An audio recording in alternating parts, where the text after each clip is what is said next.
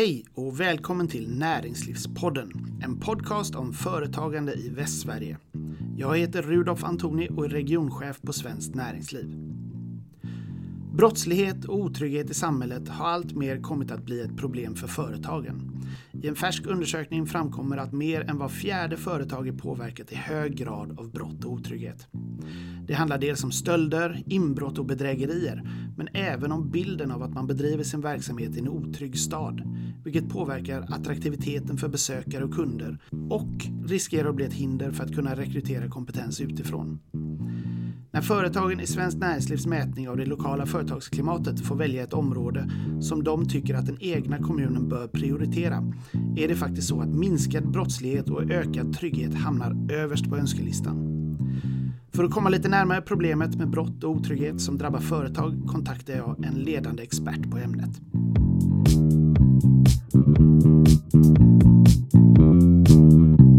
Ja, då sitter jag här med Karl Lallerstedt som är ansvarig för säkerhetspolicyfrågor på Svenskt Näringsliv. Välkommen till Näringslivspodden. Ja, tack så mycket. Det är väldigt kul att vara här. Kan du berätta lite grann om dig själv och ditt eh, uppdrag? Ja, jag är ansvarig för säkerhetspolicyfrågor på Svenskt Näringsliv. Det är ett ganska brett område, men det är tre prioriterade områden som man kan koka ner det till. Eh, och det ena det är totalförsvar. Vi är i processen att bygga upp ett totalförsvar i Sverige och det kommer att påverka näringslivet och många av våra medlemsföretag mycket. Så det är liksom ett givet område att fokusera på. Sen har vi i och med digitaliseringen i samhället så blir cyberfrågorna aktuella. Och sen har vi också trygghetsfrågorna eller brott mot företag och det kan ju hänga ihop lite med cyberområdet också. Men eh, de senaste åren så har ju eh, situationen eh, förändrats i Sverige och många företag har blivit mycket mer medvetna om, om säkerhetsfrågorna. Och vi, vi är två på Svenskt Näringsliv som jobbar med säkerhetsfrågor och det är Olof Eriksson och jag själv.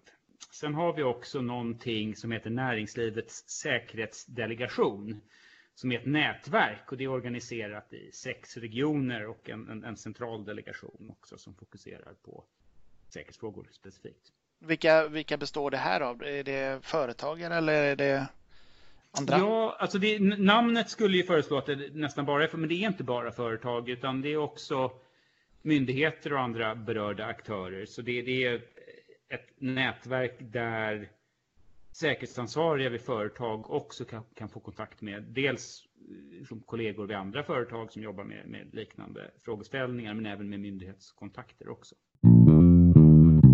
Vi ska prata om eh, otrygghet och brottslighet här idag. Och för börja med att fråga, är det ett eh, växande problem i Sverige enligt din mening? Ja, det här är ju en sån här lite lustig fråga då. Det, det, det finns ju en bok från 1954 skriven av en herre som heter Daryl Huff. Och den boken heter How to Lie with Statistics. Och det är ju lite så att vad är det man tittar på? Och tittar vi på vissa typer av brott så har de gått ner den senaste tiden. Men om vi tittar så ser vi vissa trender som är oroväckande. Och det är framförallt då med brott med koppling till, till grov organiserad brottslighet. Om vi ser skjutningar och sprängningar så har ju de ökat väldigt kraftfullt den senaste tiden. Och det har ju fått väldigt mycket medialt fokus. Ehm, och även utpressningsbrott har ju ökat över tid.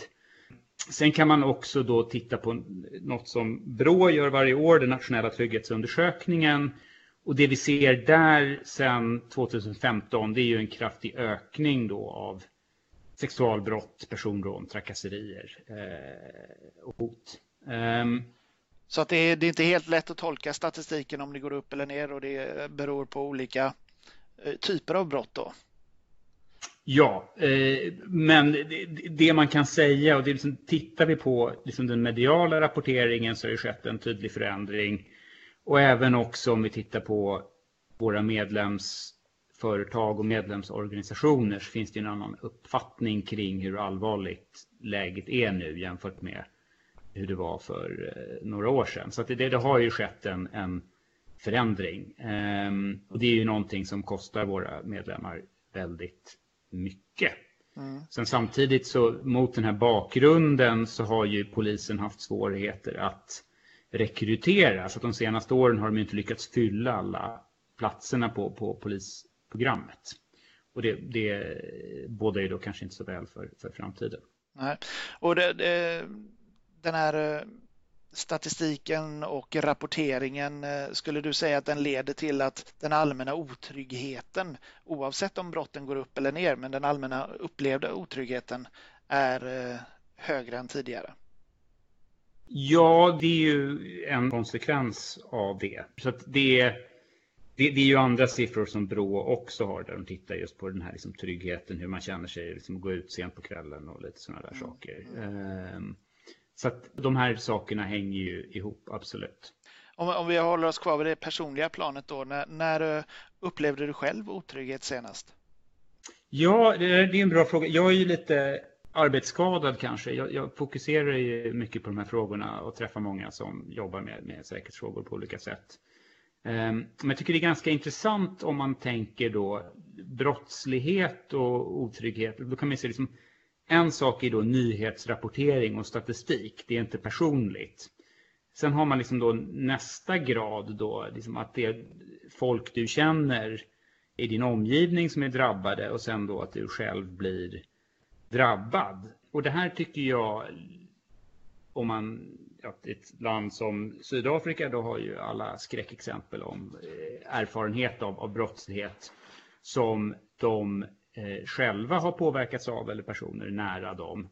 Eh, och nu tycker jag att det börjar bli lite mer att man ser det här och hör saker i sin direkta miljö på ett annat sätt än vad man kanske gjorde eh, tidigare. Och det hänger väl ihop med den här uppfattningen eh, om, om, om att det ökar. Men också att brottsligheten kanske har kommit närmare då? Ja, till exempel. Jag är lite involverad i en eh, fotbollsklubb på ett blygsamt sätt. Och där har man ju haft problem med barn som går hem då efter träning eh, och blir rånade till exempel. Så det är ju en sån där vardagssak. Eller att man har släktingar då som har blivit drabbade av eh, stöld eller eh, andra typer av, av, av brott. Om vi går över till företagen, på vilket sätt drabbas svenska företag av otrygghet och brottslighet? Ja, sex av tio företag uppger att de har drabbats av brott de senaste två åren i en, i en studie vi gjorde. Och sen när man ser då hur ser man på framtiden, då tror hälften att det kommer bli värre och det är en procent som tror att det kommer bli bättre. Så det är ju en väldigt negativ framtidssyn. Och just de brotten som påverkar företagen mest, det är de här mängdbrotten. Det är stöld, det är inbrott, skadegörelse. Och det, det, så det är klart att effekten av vissa brott är inte lika allvarlig. Så man ska ju, det är klart att det finns många värre brott. Men för företagen, det som faktiskt kostar mest och påverkar de flesta, det är de här mängdbrotten. Och det är väldigt höga kostnader som det handlar om.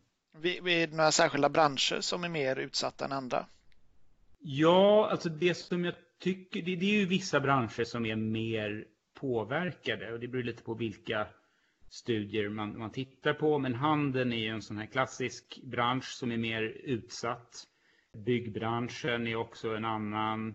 Men det som egentligen är intressant när man tittar på statistiken, det är just att det är de flesta branscher är utsatta. Det är inte så att vissa branscher inte har några problem. Sen är det klart att de är relativt mycket större för vissa. Men det, slår verkligen brett mot näringslivet. Mm. Och, och eh, handeln tänker jag mig, där det kanske mest om eh, rena stölder av varor. Eh, du nämnde byggbranschen. Är det maskiner och, och verktyg och sånt då? Eller vad? Bara så jag får ett grepp ja, på vad det nej, handlar om. Men det, det, det, det, är klart, så stöld det, är ju om vi slår, det är den enskilt största om vi tar kostnadsmässigt, kostnaden för företagen. Eh, och då är det ju klart olika sorters saker som blir stulna och där är det ju även om vi tar jordbruksverksamhet, skogsindustri så har man ju stora problem på landsbygden. också med, med eh, att det inte är någon större polisiär närvaro om man säger så. Ehm, men, men, det är klart om vi tar inbrott så kan ju det påverka väldigt många. Sen är det klart att det beror ju lite på vad som är stöldbegärligt. Eh, så det, det, är klart, det drabbar ju olika på olika sätt. Mm. Jag kan tänka mig ur ett rent personligt plan att det är betydligt eh, man blir mer påverkad om man blir utsatt för ett eh, rån till exempel jämfört med om någon har slangat diesel ur ens maskiner. Eh, sen, så det blir ju kostnader i förlängningen också med kanske sjukskrivningar och den typen av problem som uppstår. Ja, och där tror jag om vi, om vi tänker just de här med kostnadsbiten. Ja, så... vad, vad, kost, vad kostar det för företagen med brottsligheten?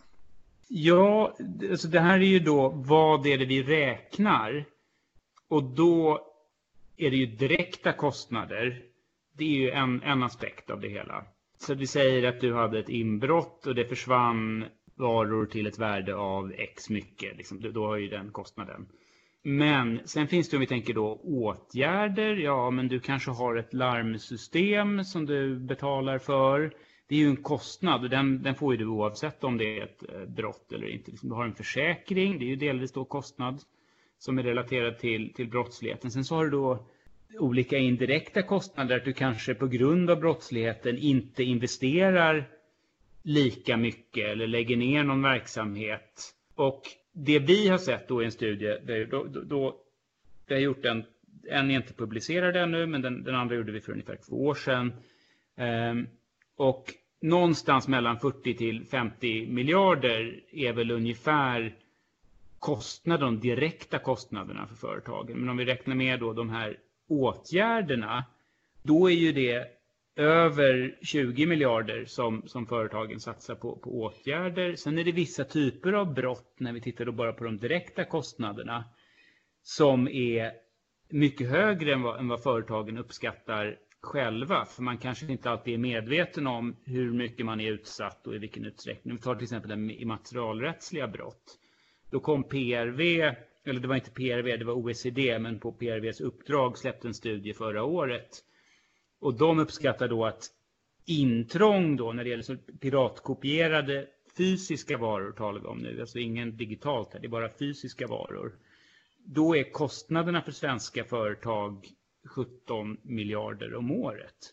Ehm, och det är ju en kostnad som inte riktigt liksom har fångats upp överhuvudtaget i den storleksordningen eh, i, i vår studie när vi tittade på, tittade på kostnader för företagen. För det är väldigt svårt för företagen att känna till det här så det här bygger då på beslag av eh, tullmyndigheter internationellt som man extrapolerat från det vad kostnaderna är. Och de, de uppfattas då som konservativa då enligt PRV. Så sannolikt är de här kostnaderna ännu högre. Men liksom, om man slår ihop allt det här alltså då, då skulle ju kostnaderna kunna approchera eh, någonting omkring 100, 100 miljarder per år eh, för företagen. Så det är enorma summor.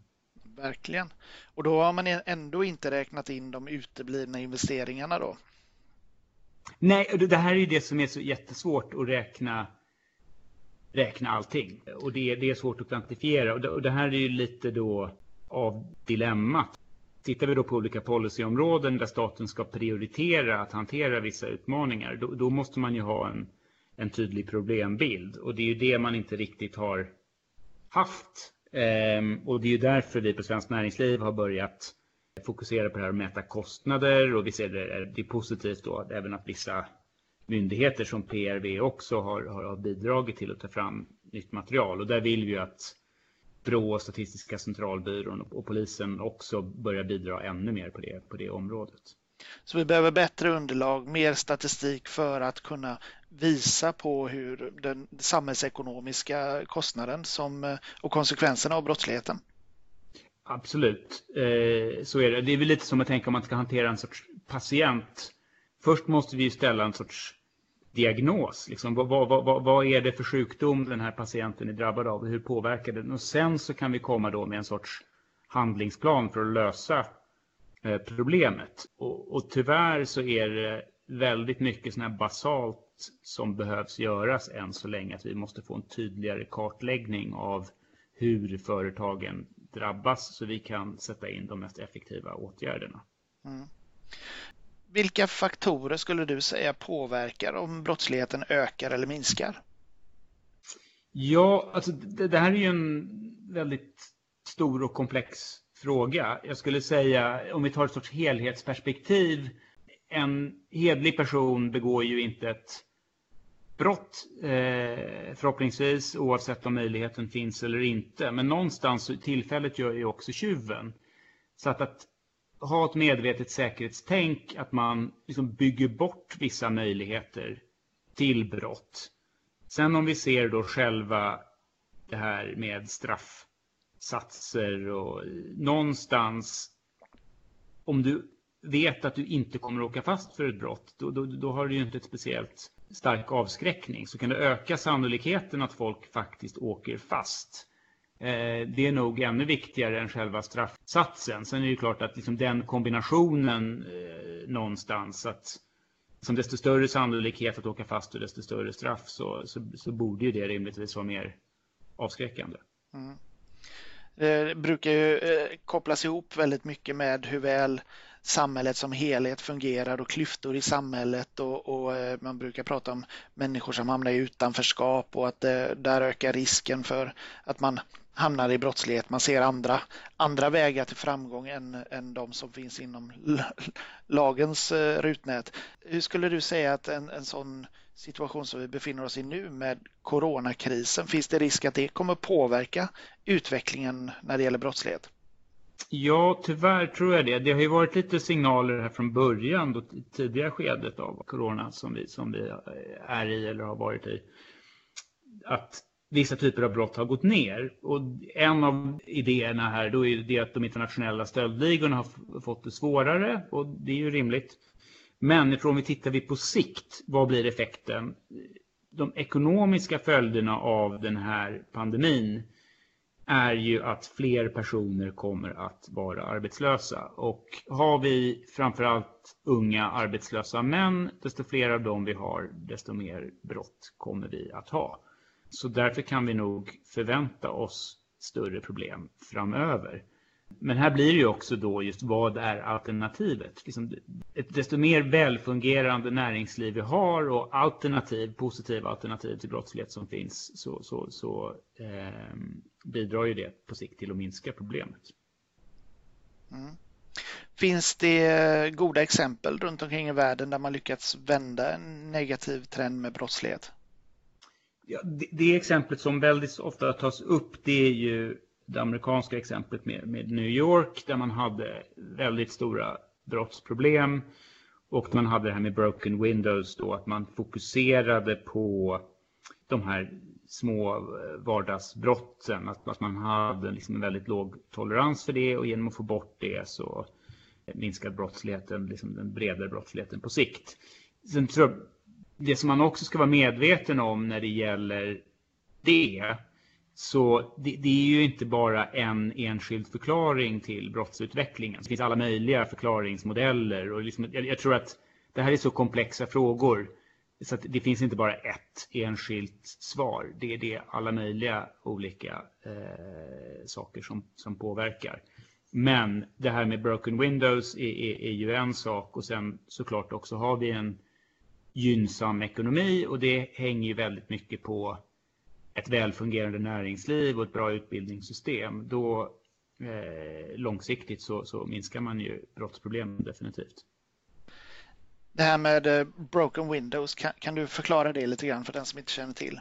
Ja, alltså, en, det, det, alltså uttrycket kommer ju från alltså, trasiga fönster, att man ska reparera skadegörelseskador och graffiti.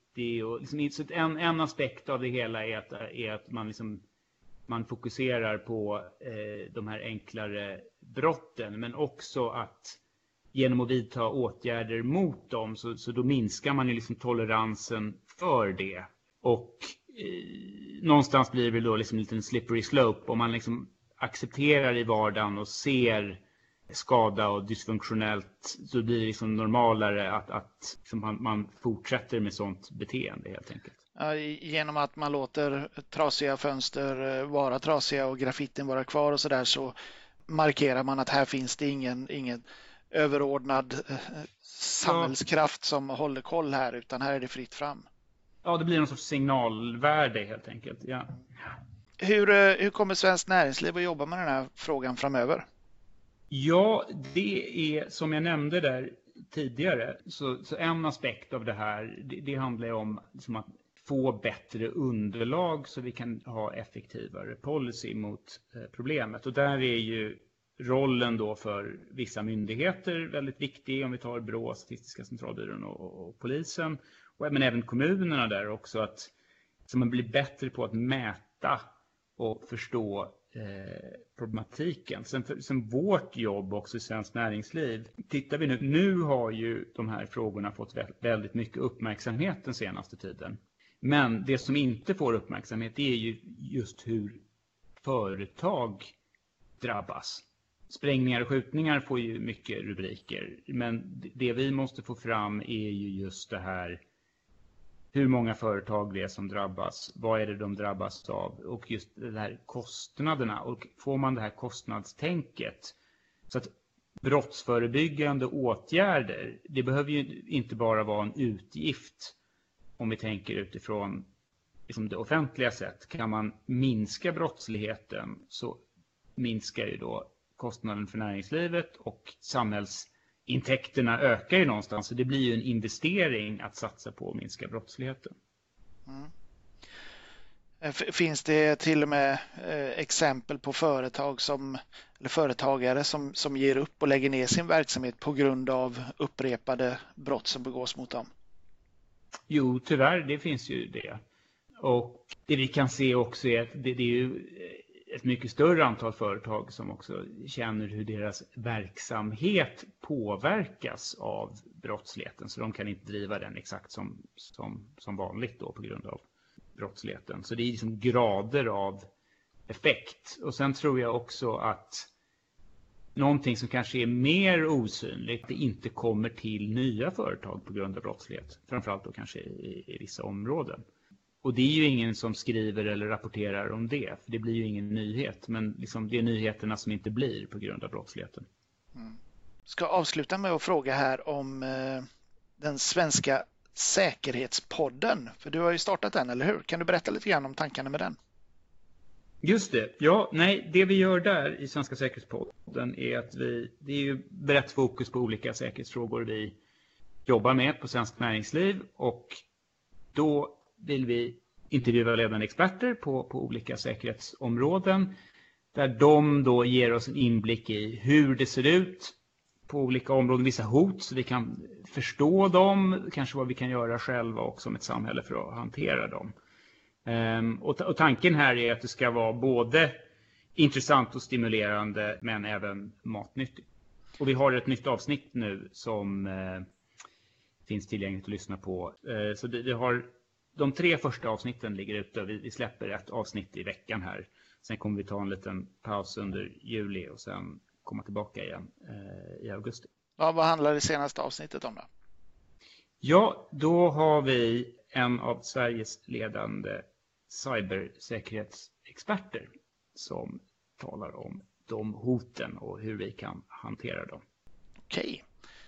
Då eh, vill jag tacka dig Karl Allestedt för att du medverkade i Näringslivspodden och önska lycka till med den svenska säkerhetspodden framöver. Stort tack, det var väldigt kul att ha möjligheten att vara med.